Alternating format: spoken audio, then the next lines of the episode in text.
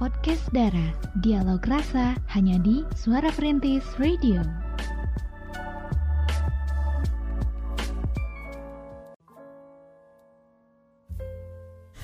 Masih dari kawasan Jalan El Samsudin SH nomor 25 Balai Kota Sukabumi 93,1 FM Suara Perintis My City My Radio Cekrem luar biasa. Selamat malam semuanya. Assalamualaikum warahmatullahi wabarakatuh. Jumpa kembali bareng kita bertiga ya Ciwi-ciwi manis. Yang akan menemani anda semuanya di podcast Dara Dialog Rasa. Malam hari ini sampai pukul 9 malam nanti ya. Dan juga semoga keberadaan sehat. Kita pun di sini alhamdulillah ya pada sehat walaupun ada sedikit-sedikit terganggu kesehatan gitu ya. Masih flu batuk, bindeng, juga. Aduh, nggak apa-apa deh. Yang pasti semangat terus ya. Oke, dan juga di malam hari ini kita akan membahas satu bahasan yang mana ini erat kaitannya dengan perilaku yang apa ya yang yang menyangkal menyangkal terus gitu ya yaitu tentang apa guys Denial. Oke, Denial ya pemerhati. Iya, betul. Denial, Denial. Denial, denial ya. Denial Bagaskara. Oke. 93.1 FM. Pokoknya nih eh, tentang denial ini udah ada suhunya nih yang akan berbicara, yang akan menyampaikan untuk pemerhati semua di rumah ya yang lagi stay tune di malam hari ini. Kita ke Keke dulu nih. Ayo Kay. Oke, denial. Wah, seru banget nih pemerhati pembahasan kita ya tentang denial di malam hari ini karena kayak juga pernah merasakan eh, hal ini gitu ya. Ada beberapa orang yang eh, denial ya yang itu tuh merugikan Kay sendiri sih. Tapi kita bakal bahas dulu, Kay nggak bakalan eh, curcol dulu di sini ke pemerhati semuanya. So buat pemerhati semuanya denial eh, atau eh, kalau pemerhati nge sih tulisannya denial gitu ya. Nah denial itu pemerhati itu tuh eh, bisa ditemukan di sekeliling kita di mana pun itu ya. Jadi mungkin pemerhati eh, sering merasakan dan ketemu orang-orang yang denial tapi nggak tahu istilahnya. Nah inilah pemerhati ya. Jadi denial ini menyangkut tentang mekanisme pertahanan diri pikiran, perasaan, keinginan maupun peristiwa tertentu. So di beberapa kasus gitu denial itu bisa ngebantu tapi juga bisa ngebahayain kesehatan mental kita pemerhati.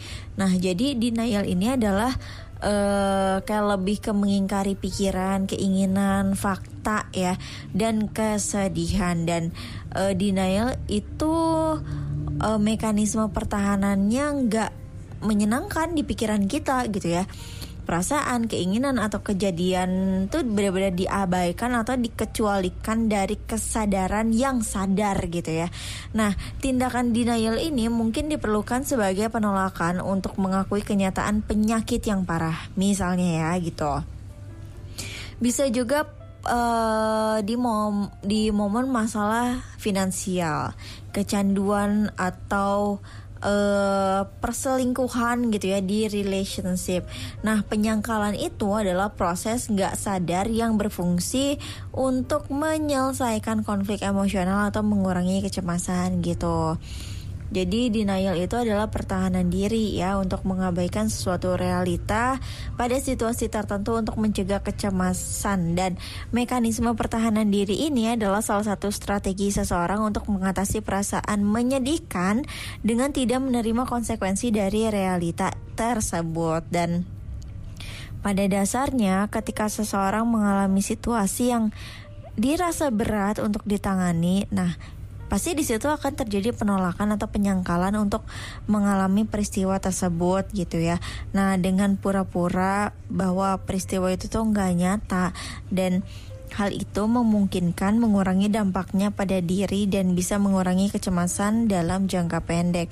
Nah, meski kayak gitu, denial itu bukan uh, solusi efektif lah buat pemerhati semuanya untuk mengatasi kecemasan jangka panjang, melainkan hanya sementara. Jadi, kalau pada akhirnya kenyataan dari keadaan itu muncul dan pemerhati harus menghadapi itu, nah itu tuh bisa jadi timbul perasaan cemas atau rasa bersalah atau pemerhati menyalahkan orang lain dan itu adalah em, pengertian gitu ya penjelasan dari denial.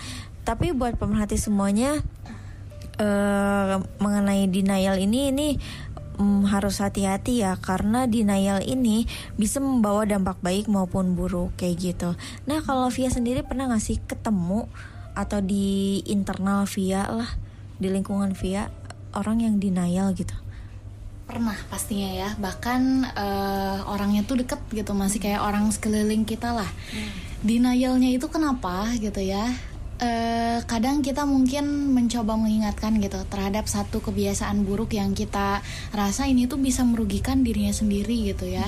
Sama kita kadang diingatkan diingatkan gitu kan. Misalnya kayak eh, kayaknya ini nggak bener deh. Kayaknya ada ada yang aneh deh apa gimana gitu ya. Kita menyampaikan dengan berbagai bahasa lah istilahnya. Tapi mereka tuh seakan kayak enggak kok kan aku yang rasain juga enggak kok begini begitu begini padahal ya sebetulnya kalau kita lihat gitu ya sejauh ini pun dia udah pernah mendapat kerugian gitu dari apa yang dia lakukan tapi dia tetap eh, tidak merasa rugi dia tetap ngerasa eh, dia apa ya melakukan hal yang benar gitu. Jadi kayaknya yang kayak gini nih. kita mungkin ngasih taunya harus di harus dijebretin lah ya mungkin ya. Jebret gitu. Tapi masalahnya kita gak bisa juga sih ya kalau untuk dalam hal ini gitu. Karena bagaimanapun juga eh, sekeras apa pun kita memberitahu dia gitu ya tentang hal tersebut ya selama dia tidak menyadari apa yang eh, hal salah seperti apa gitu yang dia lakukan kayaknya sih itu gak akan jadi apa ya efektif gitu. Ya kita malah kayak capek-capek sendiri aja gitu. Bahkan dia sendiri ketika sudah mengalami kerugian atas hal-hal yang dia percaya itu adalah hal yang bagus hal yang benar gitu ya. Ya ujung-ujungnya malah apa ya malah kita tuh dibenci sama dia gitu ya. Makanya kita harus hati-hati banget sih kalau sama orang yang denial gitu. Karena dia ini secara tidak sadar menganggap hal itu adalah hal yang baik gitu ya. Misalnya nih simpelnya kayak tentang imunisasi anak gitu ya para orang tua denial gitu kan. Waduh nggak usah disuntik lah apalagi misal di posyandu gitu kan. Eh, posyandunya aja sepi misalnya jarang ada yang datang Eh, denial aja bawaannya ya gak mau bawa anak ke posyandu gak mau diimunisasi misalnya. Padahal kan imunisasi itu adalah hal yang baik gitu ya. Sekalipun kita udah berusaha gitu ya membahasakan kepada orang tersebut kayak gak bagus loh gitu kan nunda-nunda imunisasi atau bahkan anaknya gak diimunisasi sama sekali. Kita kan gak pernah ngejamin anak kita sehat gak pernah bisa ngejamin gitu kan dan lain sebagainya. Tetap aja gak akan gitu gak akan sadar karena dia tuh denial. Dia ngerasa kayak ah, ada kesehatan mah eh, enging Allah hanya eh, apa ya hanya Allah yang tahu anak kita bakal sehat atau enggak gitu ya. Kita mau berdoa yang terbaik kita ngurus. Kan kita juga gak mau anak kita sakit. Ya justru itu kan ya harusnya diimunisasi. Tapi kalau orang-orang yang denial nih emang susah gitu. Harus dari mereka yang sendiri. Makanya mungkin nanti kita bakal share juga gitu ya tanda-tanda dari denial syndrome ini gitu. Karena bagaimanapun juga yang namanya denial ini adalah hal yang tidak baik yang sudah terjadi tapi terus-terusan disangkal seakan-akan ya itu adalah hal yang benar gitu hal yang bagus gitu seperti itu pemerhati ya 93.1 FM. Nah, pasti kalau Cira tangkap ini ya dari denial itu sendiri yaitu sering menyepelekan gitu ya. Terus juga ini sering menyangkal dan sebagainya ya. Tapi itu eh, memang buruk sih ya kalau misalnya eh, tidak baik lah gitu, tidak baik gitu ya untuk secara umumnya. Itu ngerugiin banget. Iya. Banget banget banget. Sebetulnya eh, se- sesuai sama yang Kay barusan sampaikan juga gitu ya tentang denial sendiri pengertiannya seperti apa. Ada plus minusnya gitu ya. Iya, Tapi lebih banyak minusnya memang Iya. ada orang sebagian denial yang apa ya? Itu tuh mengharuskan mereka denial karena mungkin mereka ini eh, apa ya? Lebih memproteksi diri mereka sendiri gitu. Itu memang ada positifnya gitu. Tapi di balik dari denial itu kalau Iya. misalnya memang sudah jadi kebiasaan apalagi sampai eh, menginfluence orang lain juga gitu ya untuk ikutan denial kayaknya itu benar-benar eh, negatif sih kalau menurut Via ya. Iya betul sekali ya. Dan yang pasti di malam hari ini Untuk anda semuanya yang ingin bergabung ya Ingin curhat Ingin sharing bareng kita bertiga juga Di podcast Dara malam hari ini Silahkan anda bisa bergabung Melalui whatsapp Boleh ya di mana Kay? di 081388880931 Atau juga di mana Via? Di Instagram kita ya, boleh banget at suara perintis underscore Sukabumi. Oke, kita cek and dicek dulu ya malam hari ini. Coba Pi dicek ya.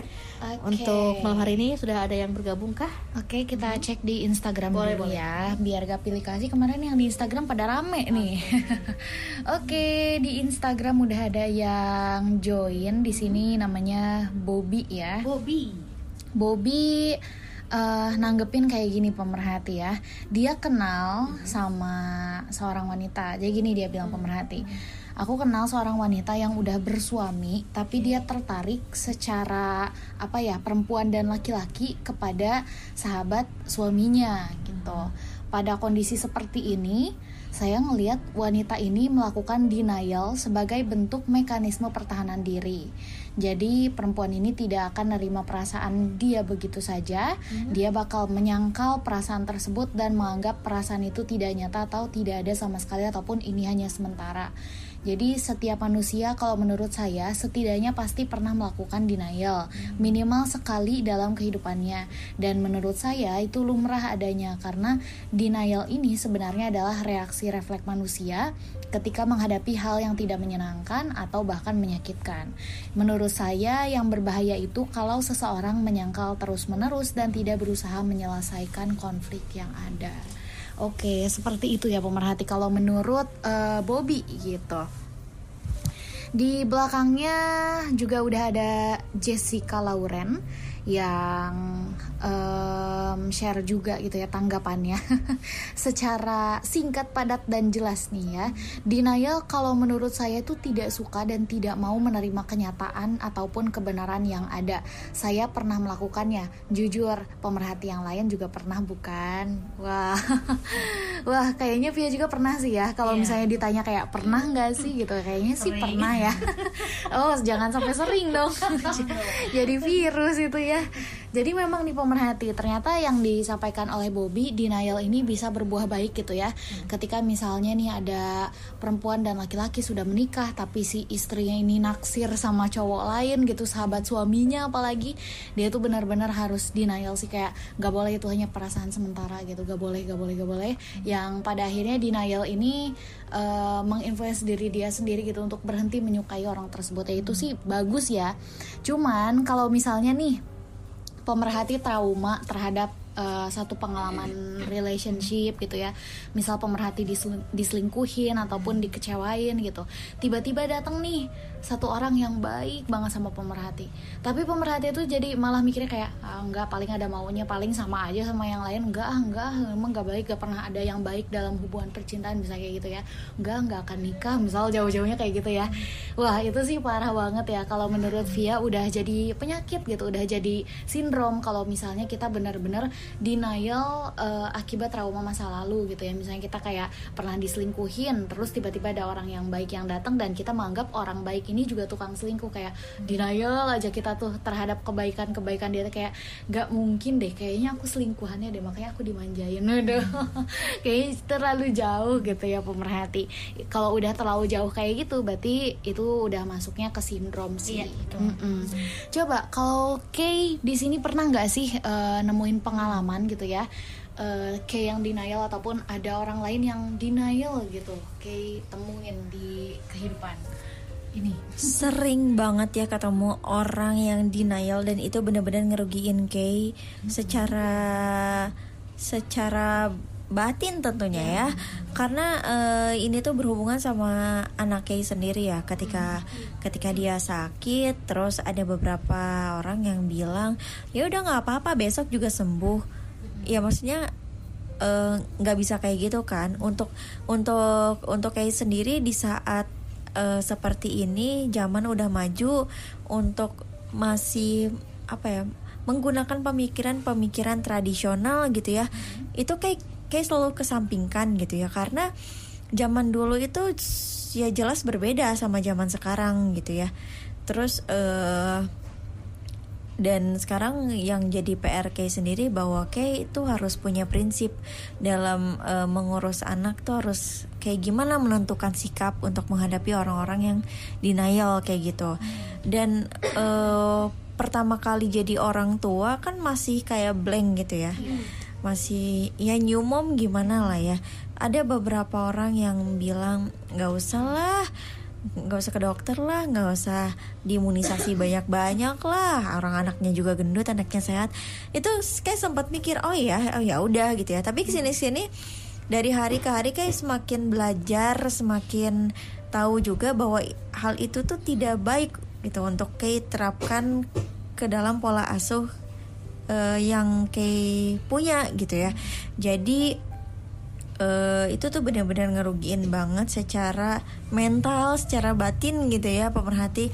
Karena eh, mereka nggak tahu apa yang kita rasain karena mereka nggak ngejalanin apa yang eh, kita jalanin gitu ya. Dan sungguh berbeda gitu ya pemikiran mereka yang dari dulu-dulu sama kita yang sekarang gitu ya. Me- meskipun eh, apa ya meskipun beberapa yang bilang lebih tua gitu lebih senior di atas Kay tapi kan Kay sendiri juga kayak punya apa ya punya studi sendiri lah gitu punya penelitian sendiri dengan dengan dengan literasi yang kayak punya gitu ya dengan dengan ilmu-ilmu yang kayak punya gitu. Dan juga konsul dari beberapa dokter anak kayak gitulah pemerhatian itu pengalaman kayak sendiri ya. Jadi banyak banget orang-orang yang denial denial gitu ya di lingkungan kayak sendiri yang pada akhirnya itu merugikan eh, anak dan kayak sendiri ya secara mental gitulah. Oke, jadi kayak mereka yang denial tapi malah kenanya ke kita gitu ya, ruginya tuh ke kita. Nah, benar-benar sini pemerhati udah jadi sindrom ya kalau ini karena dia tuh denialnya menganggap satu hal itu baik dan satu hal itu benar gitu ya, dan dia tuh menginfluence orang lain untuk melakukan hal yang sama gitu. Padahal itu adalah hal yang salah gitu. Nah, yang seperti inilah yang harus kita waspadai ya. Makanya nih nanti kita bakal bahas tanda-tandanya seperti apa supaya kita lebih aware lagi dan juga tidak terjebak nih dalam lingkaran denial ataupun terinfluence sama orang yang denial pemerhati. Hmm, memang sih eh, untuk orang-orang yang denial kepada kita gitu ya kitanya pastinya aduh itu sangat apa ya kesel banget lah gitu ya. Jadi kena sama mental kita juga gitu ya. Soalnya Ciri punya pengalaman gitu ya. Ini nggak jauh-jauh ya orang terdekat lah gitu ya pasangan. Eh, ada suatu apa ya konflik lah sama keluarga pasangan lah gitu ya sama adiknya gitu. Tapi maksudnya si pasangan Citra tuh kayak denial deh udahlah. Kayak misalnya nanti juga eh, gimana kayak gitu lah men- iya. menyepelekan. Tapi kan itu dampaknya kan luar biasa ya jadi ah, ya ini nih nggak baik nih. Iya, karena sudah dibiarkan gitu ya, jadi konfliknya tuh berkepanjangan gitu, jadi berlama-lama. Iya betul sekali kayak gitu. Jadi kan kesel gue ya kepada ke kitanya kayak gitu. 93.1 FM. Dan tanda-tanda seorang yang mengalami denial yang pertama menolak untuk membicarakan masalah tersebut ya. Jadi intinya apa sih gitu ya? Apa sih gitu kayak gitu. Menyangkal gitu ya. Nah, seseorang yang tidak ingin membicarakan masalahnya cenderung mengabaikan masalah tersebut ya. Mungkin seseorang dengan denial itu ya akan mencoba mengubah topik pembicaraan atau mencoba mengalihkan dengan apalah gitu ya humor apalah dan sebagainya gitu. Jadi dia tidak mau gitu untuk berbicara mengenai nah, denial itu sendiri gitu. Menyepelekan lah ya intinya. betul sekali. Jadi eh, intinya ya memang nggak mau gitu ya. Yang kedua selanjutnya menemukan cara untuk membenarkan perilakunya. Jadi biasanya ini seperti mendokrin diri ya bahwa eh, diri itu baik-baik saja dan diri ini tidak mengalami hal-hal yang buruk gitu. Jadi "Ah, udah baik kok ya. Jadi Enggak kok, aku nggak apa-apa kok, aku fine-fine aja kok. Padahal tersinggung, tersakiti dan kecewa. Hmm, betul sekali ya. Eh, next menyalahkan orang lain karena menyebabkan masalah gitu ya. Nah tanda ini sejalan dengan rasionalisasi yang dipikirkan jadi tidak tepat sasaran gitu ya. Justru menyalahkan orang lain atas masalah yang dialami. Nah jika terus menerus menyalahkan orang lain, kenyataan yang terjadi juga tidak akan berubah loh ya. Jadi intinya selalu menyalahkan orang lain karena menyebabkan masalah gitu kan. Kemudian juga bertahan dalam suatu perilaku meskipun ada konsekuensi negatif. Menyangkal kenyataan yang ada dan hal ini juga membuat seorang lari dari persoalan yang menunggu untuk diselesaikan gitu ya. Sehingga eh, pemerhati akan bertahan di situasi yang negatif secara terus menerus gitu kan seperti itu ya. Selanjutnya melakukan tindakan manipulatif. Nah, ini itu tadi yang tadi kita ceritain ya dia melakukan tindakan manipulatif sehingga orang lain tuh terinfluence gitu Iya betul sekali. Nah tindakan manipulatif ini dipakai untuk menipu perasaan ya terhadap kenyataan yang terjadi gitu ya. Ah udahlah enggak tenang aja padahal itu tidak baik-baik aja loh gitu ya. besok juga Ah, Aduh ya ampun. Padahal tidak apa merasa sedih ataupun tidak masalah jika marah gitu. Tindakan manipulatif ini justru membuat seseorang itu merasa ter teralien ter apa ya teralienasi gitu ya untuk menyangkal kenyataan yang terjadi gitu. Kemudian juga mengulang mengulangi argumen yang sama tanpa kemajuan. Alasan atau argumen terhadap suatu masalah jika diulang-ulang tanpa menunjukkan kemajuan ini menandai adanya suatu masalah ya dan masalah tersebut sebenarnya tidak akan berubah kecuali menemukan titik balik dan mengubah cara menyikapi kenyataan yang terjadi gitu ya. oke Tentu saja ini dari tanda-tandanya ada solusi gitu ya, cara mengatasinya gitu ya. Oke. mungkin ya tahu ya caranya seperti apa sih gitu ya. Karena pengalaman dulu mungkin atau dari dari pengalaman mungkin ya untuk cara mengatasinya sendiri kalau menurut Via ya eh sejauh ini yang Via lakukan terhadap orang-orang yang mungkin aja nih di sekitar Via Via temuin kayak dia nih rada denial gitu ya. Nah, Via ingin mencoba berbicara dengan mereka gitu. Ya, siapa tahu kita bisa nawarin perspektif yang jujur dan lebih objektif dan juga bikin mereka tuh lebih bisa nerima apa yang kita sampaikan gitu ya. Ya harapannya sih dengan apa yang Via sampaikan itu mereka bisa ngeh gitu. Kalau misalnya itu tuh bukan hal yang baik gitu tapi selama ini mereka menyangkal gitu ya. Nah terus eh, kita juga bisa banget ya kalau misalnya kita ngerasain sendiri denial itu seperti apa. Nah kita bisa berusaha untuk identifikasi pikiran yang menyimpang. Yang mungkin nih kontribusinya itu ada banget sama kecemasannya kita. Kadang nih kita kayak eh, denial tentang sesuatu gitu ya yang bikin kita nih kok makin sini makin gak bener ya makin menyimpang ya gitu ya Eh, nah kita tuh bisa identifikasi satu persatu gitu hal-hal apa yang menurut kita ini yang menurut normanya lah normal normalnya tuh adalah sebuah kesalahan gitu ya. Tapi kita masih terus lakukan sampai sekarang yang akhirnya bikin kita menyimpang gitu pemerhati. Nah kita kan eh, secara naluri ya kalau kita terus menerus berada di dalam kesalahan kita kan pasti cemas gitu ya. Pasti tidak tenang. Nah itulah ya yang harus kita perhatikan dari dalam diri kita sendiri. Jadi kita bisa berusaha lebih aware sama apa yang kita rasakan. Seandainya kita ngerasa melakukan satu hal itu kita jadi cemas jadi khawatir nah itu bukan hal yang baik ya pemerhati betul sekali ya. Nah, terus juga ada baiknya kita memikirkan kenapa sih gitu. Kita tuh takut menghadapi masalah gitu ya. Karena yang namanya masalah itu pasti ada gitu. Dan kita harus berani menyikapi masalah tersebut supaya masalahnya itu bisa segera terselesaikan. Kalau misalnya kita terus-menerus denial, kita terus-menerus lari ya gak akan selesai gitu ya.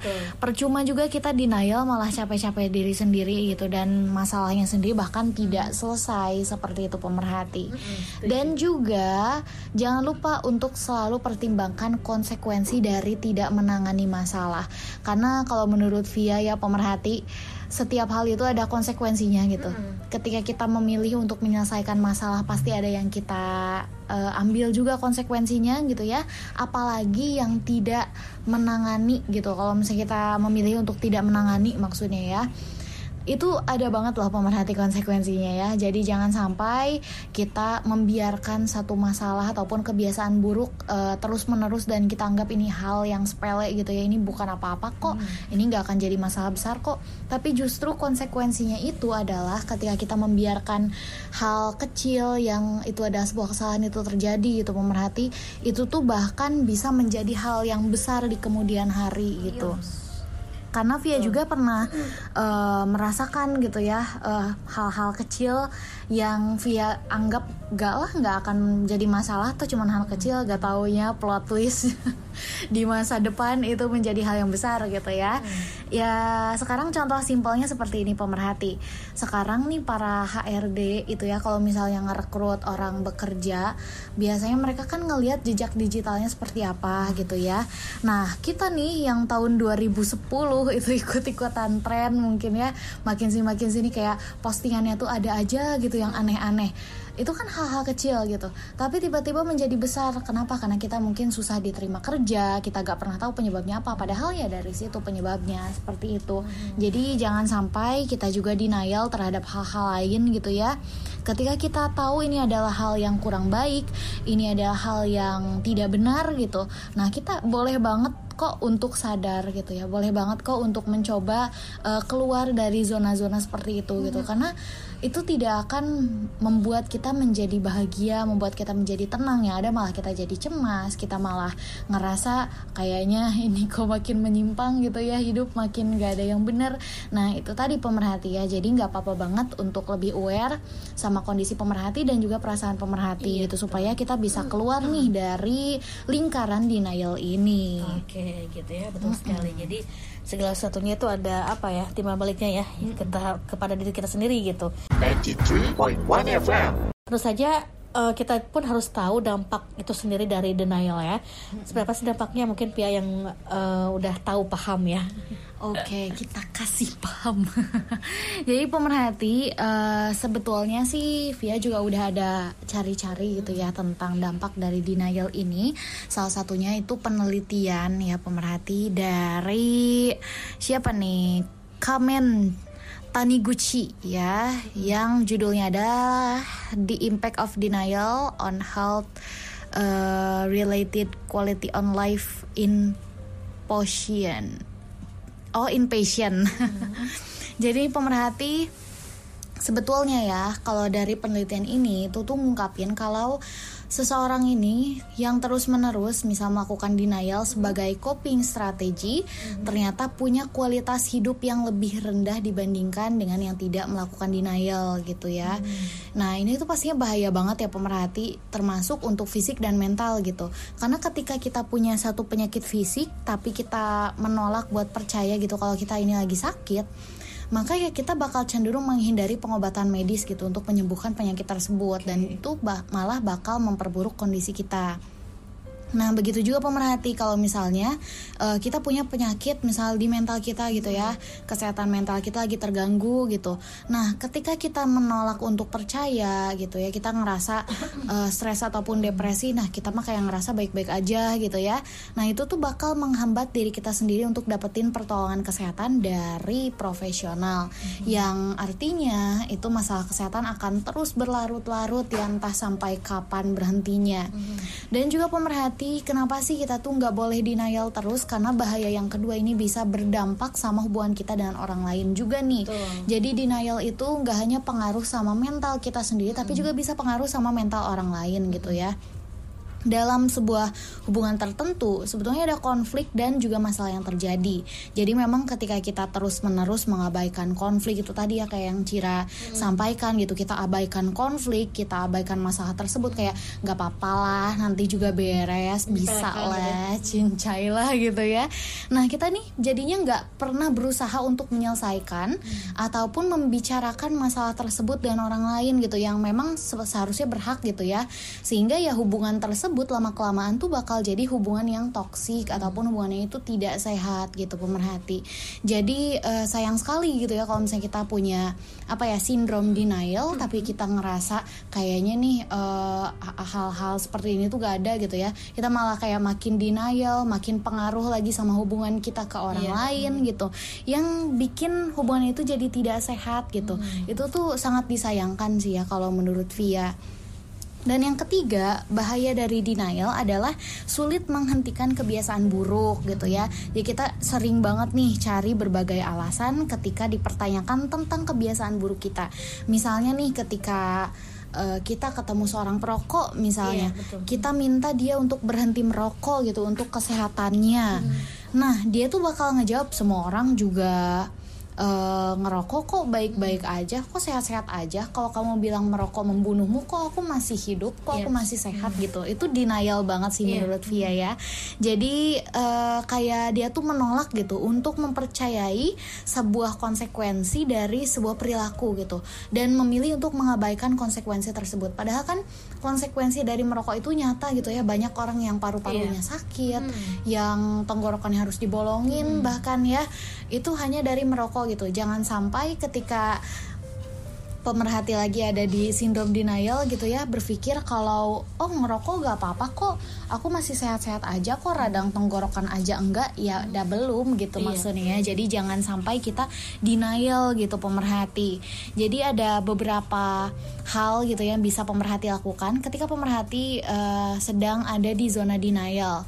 Jangan lupa selalu gali pemerhati sendiri gitu ya diri pemerhati sendiri. Kayak pemerhati tanyalah ke pemerhati kenapa kita takut menghadapi masalah gitu ya? Kenapa kita memilih untuk menghindari masalah tersebut? Kenapa kita memilih untuk menyangkal masalah tersebut dan konsekuensi seperti apa yang mungkin terjadi ketika kita menghindari masalah seperti ini gitu ya. Dan kalau misalnya pemerhati udah ngerasa ngeh nih kalau misalnya pemerhati sedang tidak baik-baik aja ataupun sedang denial nah pemerhati bisa komunikasikan hal ini kepada orang-orang yang dekat dengan pemerhati gitu ya. Dan yang terakhir pemerhati bisa memulai dari awal gitu ya belajar tentang strategi-strategi penyelesaian masalah yang baik itu seperti apa oke kayak gitu pemerhati ya. Iya, betul sekali ya. Pemerhati suara Pemerhati kota Sukabumi Mm-mm. Eh, apa yang dikatakan P ini sangat apa ya apa tuh sangat jelas gitu ya untuk eh, kita semua dalam menyikapi suatu dan denial itu sendiri gitu ya. Aha, jadi untuk anda jangan khawatir ya kalau misalnya saat ini sedang den- ada di lingkungan ini ya denial itu sendiri. Karena memang sih denial itu aduh gimana ya? Yang sangat merasakannya tuh kayak dia tuh tidak tidak merasa Iya. denial gitu ya jadi gimana ya? yang ngerasa bener aja jadi Iya benar. Jadi apa sih untuk denial, di- denial ini gitu ya? Jangan sampai kita eh kita di mengalami hal yang nggak enak nih, eh, ketemu sama orang yang denial gitu. Jangan sampai kita seperti itu gitu ya, karena karena eh, apa yang kita rasain eh, apa ya akibat orang yang denial sama kita itu kan nggak enak kan.